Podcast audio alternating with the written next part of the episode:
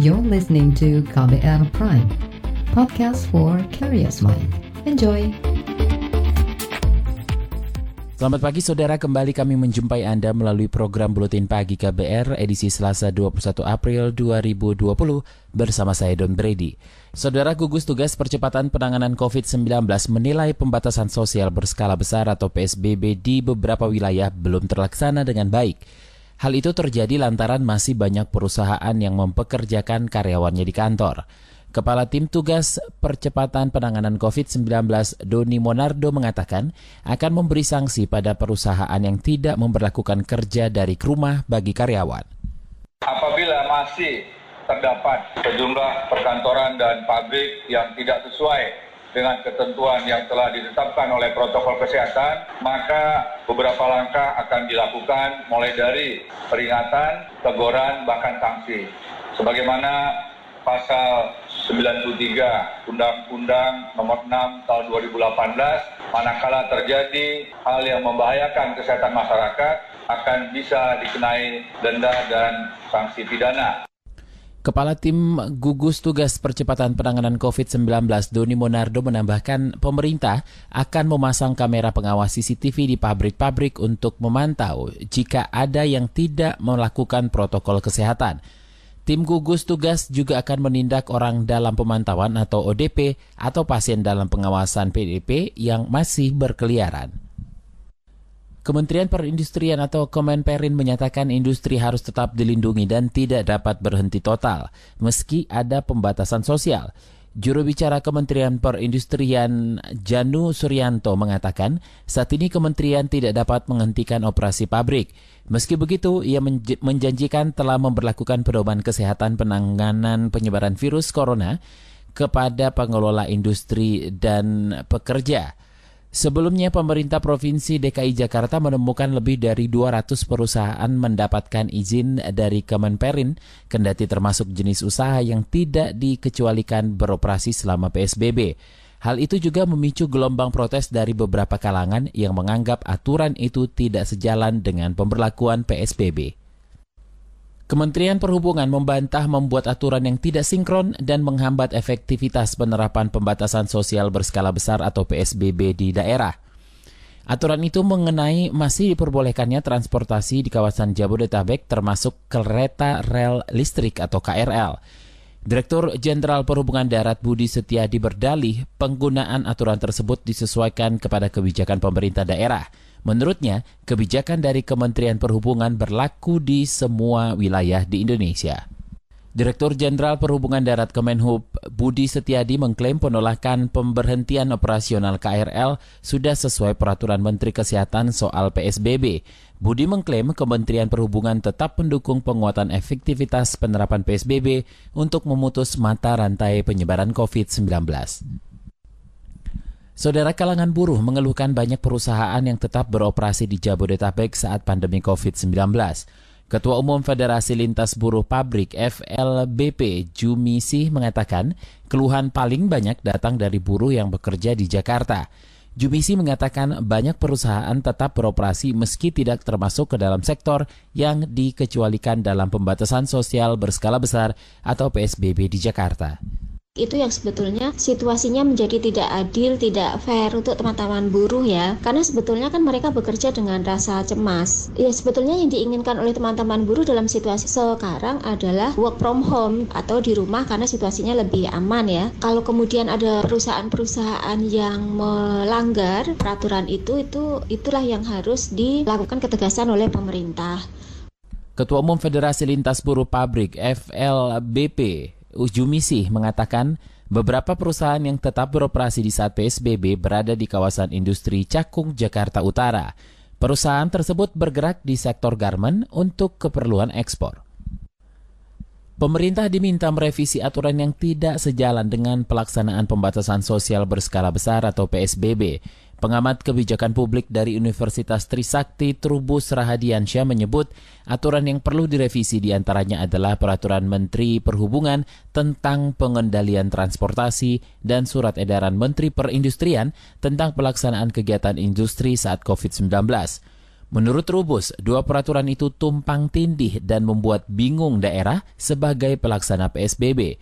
Trubus Rahadiansyah menjelaskan peraturan Menteri Perindustrian membuat banyak sektor, sektor industri masih beroperasi selama penerapan PSBB. Meski begitu, per, peraturan Menteri Perhubungan yang melonggarkan layanan transportasi membuat banyak orang masih bergerak dari satu tempat ke tempat lain. Trubus menyebut dua peraturan itu membuat PSBB tidak efektif memutus mata rantai penyebaran virus corona.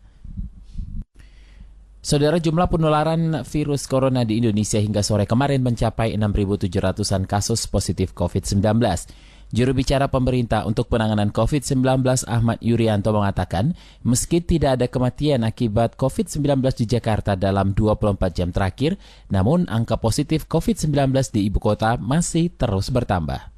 Bahwa kasus positif sebanyak 185 orang, sehingga total menjadi 6.760 orang. Pasien yang sudah sembuh bertambah 61 orang, sehingga jumlahnya menjadi 747 orang.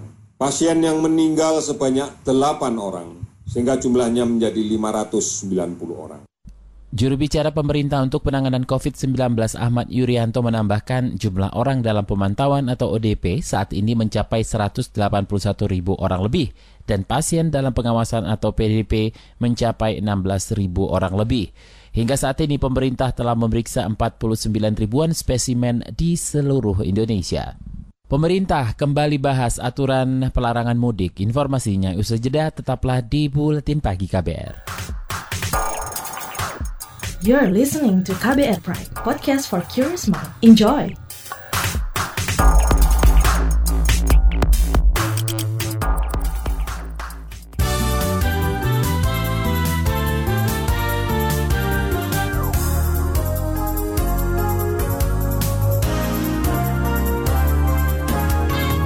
Anda sedang mendengarkan Buletin Pagi KBR, siaran KBR mengudara melalui lebih dari 500 radio jaringan di Nusantara. Saudara pemerintah memutuskan memperpanjang masa kerja dari rumah atau KDR bagi aparatur sipil negara dan masa kerja dari rumah yang semestinya berakhir 21 April diperpanjang hingga 13 Mei mendatang. Sekretaris Kementerian Pendayagunaan Aparatur Negara Dwi Wahyu Atmaji mengatakan perpanjangan masa kerja di rumah atau KDR bagi ASN sudah ditetapkan melalui surat edaran Menteri Cahyo Kumolo. Perpanjangan ini diambil karena melihat bahwa situasi penyebaran COVID-19 ini belum sepenuhnya terkendali. Dan oleh karena itu, sesuai dengan arahan Bapak Presiden, supaya kita bekerja dari rumah, beribadah dari rumah, belajar dari rumah, kita perpanjang BFA ini karena kebijakan social dan physical distancing ini masih diperlukan Sekretaris Kementerian Pendayagunaan Aparatur Negara Dwi, Yahyu, Dwi Wahyu Atmaji menambahkan, perpanjangan masa KDR bagi ASN akan dievaluasi setiap waktu. Kementerian Perhubungan mempertimbangkan untuk mengeluarkan larangan mudik pada Lebaran 2020 karena berpotensi memperluas penyebaran COVID-19. Direktur Jenderal Perhubungan Darat di Kementerian Perhubungan Budi Setiadi mengatakan pemerintah akan mempersiapkan jaring pengaman sosial lebih dulu sebelum menerapkan larangan mudik tersebut. Ada beberapa pertimbangan yang kita lakukan. Yang pertama kan lebih tertuju kepada untuk pencegahan virus corona, tetapi kan juga harus kita pertimbangkan aspek-aspek yang lain. Semuanya bicara menyangkut masalah aspek keselamatan, kemanusiaan dan sebagainya. Iya, uh, saya sore ini akan rapat kembali dengan Pak Menko Maritim. Saya sih berharap secepatnya diambil keputusan dan mungkin salah satu agenda nanti adalah menyangkut masalah uh, kita akan kapan mulai atau kemudian kita akan harus kapan kita akan menyampaikan larangan mudik. Dirjen Perhubungan Darat Budi Setiadi menambahkan saat larangan mudik nanti diterapkan, maka operasional semua moda transportasi manusia jarak jauh akan dihentikan termasuk menutup jalan tol. Beralih ke informasi lain, saudara masyarakat sipil memprotes DPR yang secara diam-diam membentuk panitia kerja atau panja pembahasan RUU Omnibus Cipta Kerja. Peneliti dari Pusat Studi Hukum dan Kebijakan PSHK Fajri Nur Syamsi mengatakan pembentukan panja oleh Badan Legislasi DPR itu cacat hukum. Pembentukan itu dianggap melanggar prosedur dalam tata tertib DPR serta melanggar undang-undang tentang sistem pembentukan peraturan perundang-undangan. Kalau berdasarkan tata tertib DPR disebutkan bahwa rapat kerja itu agendanya bukan hanya menyepakati agenda pembahasan ke depan, tetapi penyerahan DIM dan pembahasan DIM begitu. Nah ini yang tidak dilakukan oleh rapat kerja kemarin, yang seharusnya justru jangan lanjut ke tahap berikutnya yaitu panja. Seharusnya DPR selesaikan dulu agenda rapat kerja uh, yang uh, terutama untuk menyerahkan DIM dan uh, apa pembahas DIM. Itu tadi peneliti dari PSHK Fajri Nur Syamsi. Sebelumnya Badan Legislasi DPR membentuk panitia kerja atau panja pembahasan RUU Omnibus Cipta Kerja pada Senin kemarin. Sebanyak delapan fraksi telah menyerahkan nama-nama untuk duduk di panja. Hanya satu fraksi yaitu PKS hingga sore kemarin belum menyerahkan nama anggota panja. Beralih ke informasi ekonomi, penyaluran kredit di industri teknologi keuangan atau fintech menurun sekitar 5% akibat pandemi COVID-19. Ketua Asosiasi Fintech Pendanaan Bersama Indonesia atau AFPI, Kuser Syan Syah mengatakan, temuan itu diperoleh dari survei terhadap 161 perusahaan fintech anggota AFPI. Saudara angka investasi di dalam negeri selama tiga bulan pertama tahun ini mencapai 210 triliun rupiah. Kepala Badan Koordinasi Penanaman Modal BKPM Bahlil Lahadalia mengatakan angka investasi selama Januari hingga Maret tahun ini meningkat dibanding periode yang sama tahun lalu. Kepala BKPM Bahlil Lahadalia menambahkan angka investasi di triwulan pertama tahun ini juga tumbuh 1,2 persen dibandingkan triwulan keempat tahun lalu. Realisasi investasi itu ditopang oleh 25 ribu proyek investasi. Selain itu, realisasi investasi pada triwulan 1 2020 itu cukup baik meski Indonesia tengah dilanda wabah COVID-19. Kalangan pedagang pasar meminta pemerintah mengantisipasi kenaikan harga kebutuhan pokok secara drastis menjelang Ramadan dan Idul Fitri. Ketua Umum Ikatan Pedagang Pasar Indonesia IKAPI, Abdullah Mansuri mengatakan ada tiga fase kenaikan bahan pokok yakni seminggu sebelum Ramadan, menjelang Idul Fitri dan setelah Idul Fitri. Ia meminta pemerintah memastikan stok cukup saat tiga waktu tersebut sehingga tidak terjadi lonjakan harga secara drastis. Kita ke mancanegara, saudara jumlah kasus virus corona di Jepang sudah melewati 10.000 jiwa dengan jumlah kematian sebanyak 171 orang. Padahal pemerintah sudah memperlakukan status darurat nasional. Mengutip AFP, Perdana Menteri Jepang Shinzo Abe mendesak para penduduk mengurangi kontak dengan orang lain semaksimal mungkin. Akan tetapi langkah itu tidak mencegah orang untuk tidak keluar rumah. Banyak toko dan restoran tetap buka. Organisasi tenaga medis telah memperingatkan sistem kesehatan Jepang sudah kewalahan menangani wabah corona. Meski wabah virus corona di Jepang tidak separah Eropa, namun beban kasusnya menjadi salah satu yang tertinggi di Asia setelah China dan India. Laporan khas KBR tentang polemik kartu prakerja akan hadir usai jeda tetaplah di Buletin Pagi KBR. You're listening to KBR Pride, podcast for curious mind. Enjoy!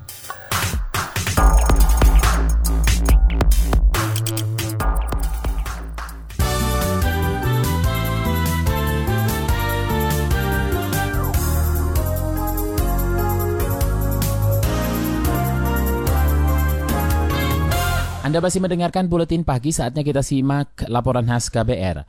Saudara jutaan pekerja terkena PHK dan dirumahkan akibat wabah COVID-19. Tak sedikit yang kemudian menjajal program kartu prakerja yang diluncurkan pemerintah. Namun sebagian kelompok buruh memandang program itu sia-sia. Simak ulasannya yang disusun tim KBR dibacakan Reski Mesanto di gelombang satu aku gagal. Kayaknya di minggu sekarang aku coba lagi deh buat daftar kartu prakerja. Gagal di gelombang pertama program kartu prakerja tak memupus harapan Prima untuk ikut gerbong berikutnya. Di pekan kedua ini ia siap mencoba peruntungan untuk mendapatkan tiket kartu prakerja ini adalah upaya Prima mengais semua peluang usai kedai kopi yang dikelolanya tutup akibat pandemi. Soalnya kedai yang aku buka ini mengutamakan offline ya, jadi kita nggak nggak jualan secara online. Jadi ya sangat kerasa juga sih ketika kedai nggak buka tuh nggak ada pemasukan gitu. Terus salah satu di dalam program prakerja juga kan nyampein bahwa kita dapat berapa jumlah uang gitu dari situ. Kenapa akhirnya saya juga tertarik untuk mendaftarkan diri. Dulu Prima bisa mendapatkan sekitar 3 juta rupiah per bulan dari kedai yang dibukanya di Cimahi.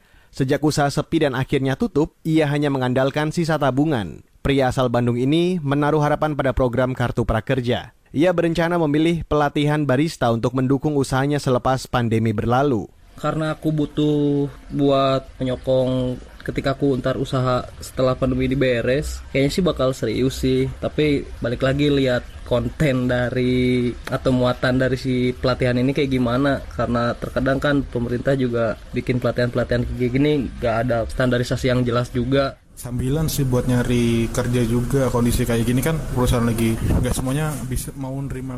Kevin merupakan satu dari 200 ribu orang yang lolos program prakerja gelombang pertama. Pria 24 tahun ini terkena kebijakan efisiensi sebuah perusahaan media nasional akibat pandemi. Sembari mencari lowongan baru, Kevin turut mendaftar kartu prakerja. Ia mengambil pelatihan jurnalistik. Tapi saya memilih uh, ngincernya di Tempo Institute itu sih. Uh, ingin mendalami gaya bahasa saya, cara menulis saya sebagai jurnalis lebih didalami lagi, lebih menggali lagi ada di online mungkin tapi kan sertifikat itu kan tanda kutip bergengsi ya untuk apply ke perusahaan-perusahaan. Kevin memastikan bakal serius menjalani pelatihan sampai akhir demi peluang kerja baru. Kalau serius sih serius, udah dikasih kesempatan dari satu juta orang, ya kan kalau nggak salah satu juta orang, kenapa kita nggak manfaatin? Toh kita saya sendiri juga kan belum ada pekerjaan baru, kondisi gejolak kayak gini nggak mungkin perusahaan terima. Nah saya manfaatin untuk uh, biar nggak gak mau bazir lah waktu di rumah apply kerja sekalian ikut pelatihan gitu sih biar gak mau bazir aja. Kartu Prakerja merupakan salah satu janji kampanye Presiden Joko Widodo di periode kedua. Awalnya, program ini ditunjukkan mayoritas bagi angkatan kerja baru. Namun wabah COVID membuat pemerintah mengalihkan program ini untuk pekerja yang di PHK pada masa pandemi. Lebih dari 5 juta peserta akan menerima paket manfaat total senilai 3,5 juta rupiah untuk biaya pelatihan dan insentif selama 4 bulan. Direktur Eksekutif Manajemen Pelaksana Program Kartu Prakerja, Denny Puspa Purbasari. Program Kartu Prakerja juga ditujukan sebagai sebuah instrumen social safety net untuk membantu meringankan beban hidup dan membantu daya beli masyarakat yang terdampak oleh COVID-19. Ditujukan utamanya kepada pekerja maupun pelaku usaha mikro dan kecil yang terdampak penghidupannya karena COVID-19. Sementara itu, beberapa kelompok buruh menyebut kartu prakerja bukanlah jawaban bagi pekerja terdampak pandemi. Ketua Umum Federasi Buruh Lintas Pabrik Jumisih mengatakan, ratusan program pelatihan bakal sia-sia tanpa akses lapangan kerja. Selain itu, belum tentu seluruh buruh terdampak bisa mengakses pelatihan via daring. Menurutnya, di masa pandemi, buruh lebih membutuhkan bantuan pangan ketimbang pelatihan. Sebetulnya yang dibutuhkan oleh teman-teman itu kan lapangan pekerjaannya ya. Kalau basic-basic dasar seperti yang ada di pelatihan-pelatihan itu, atau bahkan bukan basic yang diminati oleh teman-teman gitu, jadi susah diakses. Lapangan pekerjaannya ada apa tidak gitu kan. Kalaupun toh misalnya ada pelatihannya tapi lapangan pekerjaannya tidak ada, itu kan juga menyulitkan. Pandangan itu juga diamini Ketua Konfederasi Persatuan Buruh Indonesia atau KPBI Ilham Syah. Menurutnya, kartu prakerja justru dijadikan modus pengusaha untuk melakukan PHK tanpa pesangon. Praktek ini sudah terjadi di sebuah pabrik manufaktur di Jawa Tengah. Hampir 400 buruh di sana dipecat tanpa mendapat serupiah pun pesangon dari perusahaan. Dia di PHK, lalu mereka tidak dibayarkan pesangonnya, lalu pengusahanya mendaftarkan mereka ke kartu prakerja. Kartu prakerja itu tidak bisa menjadi pengganti pesangon. Pengusaha yang nakal memanfaatkan itu, lalu pemerintah juga ceroboh mengatakan kartu prakerja ini bagi boleh apa untuk buruh ter PHK itu yang salah. Demikian laporan yang disusun tim KBR, saya Reski Mesanto. Informasi dari daerah akan kami sajikan usai jeda tetaplah di Buletin Pagi KBR. You're listening to KBR Pride, podcast for curious mind. Enjoy!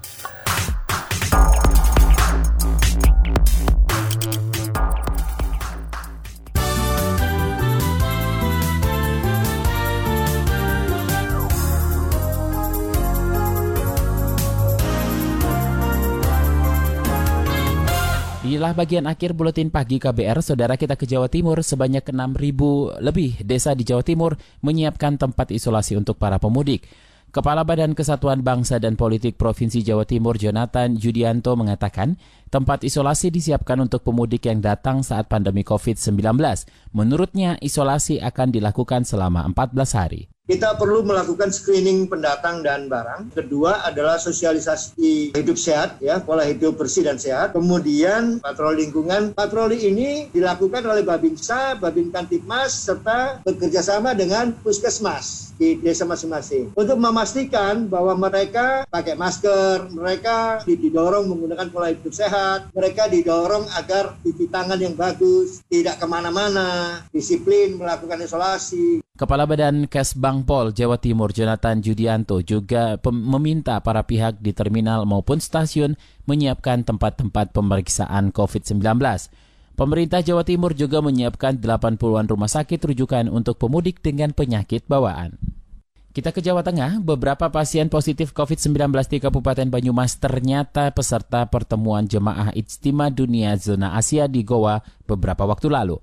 Pertemuan itu telah dilarang pemerintah Sulawesi Selatan, namun ribuan orang sudah terlanjur berkumpul. Bupati Banyumas Ahmad Hussein menjelaskan mereka baru menunjukkan gejala COVID-19 setelah tiga pekan lebih tiba dari Goa, Sulawesi Selatan. Mereka datang dari Goa itu antara tanggal 14-15 Maret ya. Begitu mereka datang, sudah kami cek semuanya menurut cek kesehatan sesuai protokol yang ada dan lain sebagainya. Dan mereka uh, tidak menunjukkan gejala yang dominan. Baru tanggal 8 April ya, ini salah satu sudah menunjukkan gejala yaitu yang di Kober. Kemudian juga batik raja. Bupati Banyumas Ahmad Hussein mengatakan kini gugus tugas masih mengejar puluhan peserta istimewa Goa lainnya dari Banyumas. Mereka akan diperiksa melalui tes cepat yang dilanjutkan PCR. Mereka juga diminta untuk karantina mandiri sebelum hasil tes keluar. Kita ke Jawa Barat, keluarga Julio Sebastian, warga Kecamatan Cikarang, Kabupaten Bekasi menjadi korban intoleransi ketika sejumlah orang melarang ibadah di rumahnya. Julio mengatakan pelarangan ibadah di rumah bukan pertama kali terjadi. Menurutnya pelarangan ibadah juga pernah dialami keluarga itu pada 14 tahun lalu. Warga Cikarang Julio Sebastian membantah pernyataan kepolisian yang menyebut pembubaran ibadah tersebut merupakan kesalahpahaman penerapan pembatasan sosial berskala besar atau PSBB di wilayah Jawa Barat. Saat ini sudah dilakukan mediasi antar uh, kedua belah pihak. Julio mengatakan sudah ada perjanjian tidak ada lagi larangan beribadah di wilayah dirinya tinggal. Informasi tadi menutup jumpa kita di Buletin Pagi hari ini. Pantau juga informasi terbaru melalui kabar baru melalui website kbr.id, Twitter kami at berita KBR, serta podcast melalui kbrprime.id. Akhirnya saya Don Brady undur diri. Salam.